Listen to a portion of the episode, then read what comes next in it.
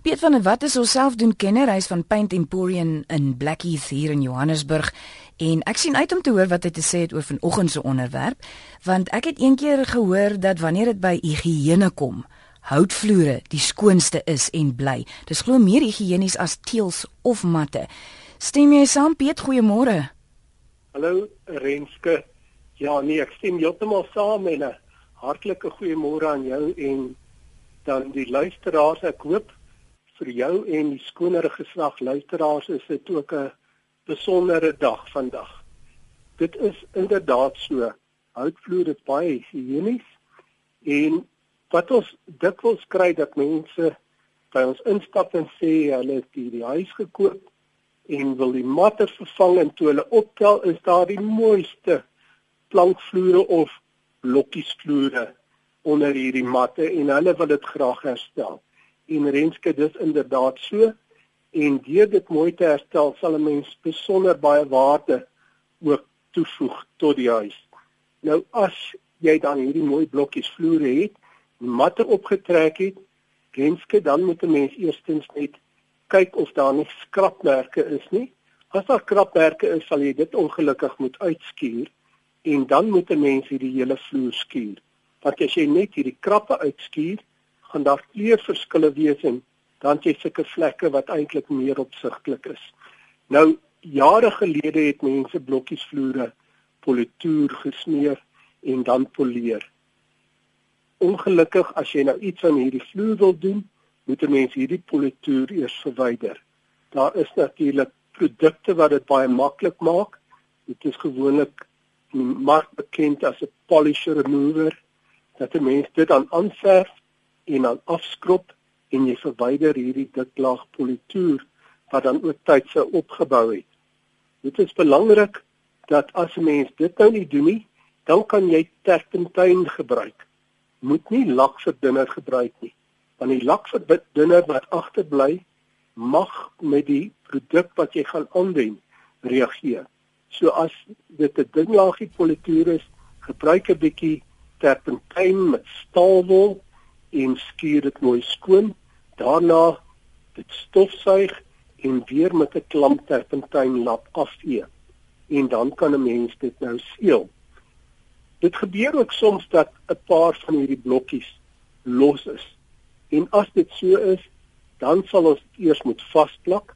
Dit is baie belangrik om nou al die blokkies eers uit te haal en die gom wat daaraan sit en dit is gewoonlik 'n bitumen basis gom moet mens verwyder want daar moet nou 'n millimeter of wat spasie wees vir die nuwe gom sodat jou blokkies bo weer baie mooi gelyk is.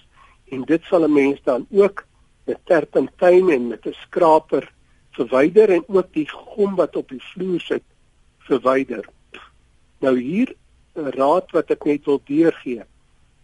Wanneer mens die blokkies of die planke terugplaas is dit belangrik dat daai laaste blokkie mooi los ook pas. As dit so uitwerk dat hierdie laaste blokkie jy dit terugsit, jy hom eintlik met 'n hamer moet terugkap, beteken dit daar gaan nie ruimte wees vir hierdie hout om te beweeg met die uitsetting en inkrimping van die vloer nie.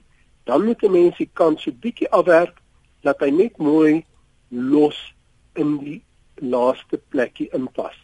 Mens plak dit dan met hierdie bitumen gom vas, laat dit droog word en dan skuur mens dit gelyk. As dit mooi gelyk is, kan jy dit ook net vas uh, met die terpentyn soos ek genoem het. Nou daarna gaan 'n mens dit seël en my produk van keuse bly maar die Hudak 25. Dis beskikbaar in 'n mat en 'n satijn afwerking Die voordeel hiervan is ook omdat mens 3 lae in een dag kan aanwend, vroegoggend, middagete en laatmiddag en laat aand kan jy al bietjie daarop loop. Die volgende dag is hierdie vloer droog. Renske maar 'n mens moet nou en aghou. Dit is droog maar nog nie hard nie. As jy jou meubels wil terugplaas, uh, kan 'n mens dit doen. Baie versigtig wees dat jy dit net nie skuur nie. Ons sal in elk geval aan die hand doen dat 'n mens hierdie veldblokkies In die handel is dit uh, beskikbaar as veltrini. Dit is 'n veldblokkies wat reeds gom aan het onder al die pote van die meubels sit. Want dan kan jou meubels nou lekker skuif. As jy dit nie in die hande kry nie, een van hierdie matte wat 'n mens self plak, dit in blokkies sny met kontakgom om al, onder al die pote plak en dit sal dan seker maak dat jy nie krapmerke op jou vloer kry nie.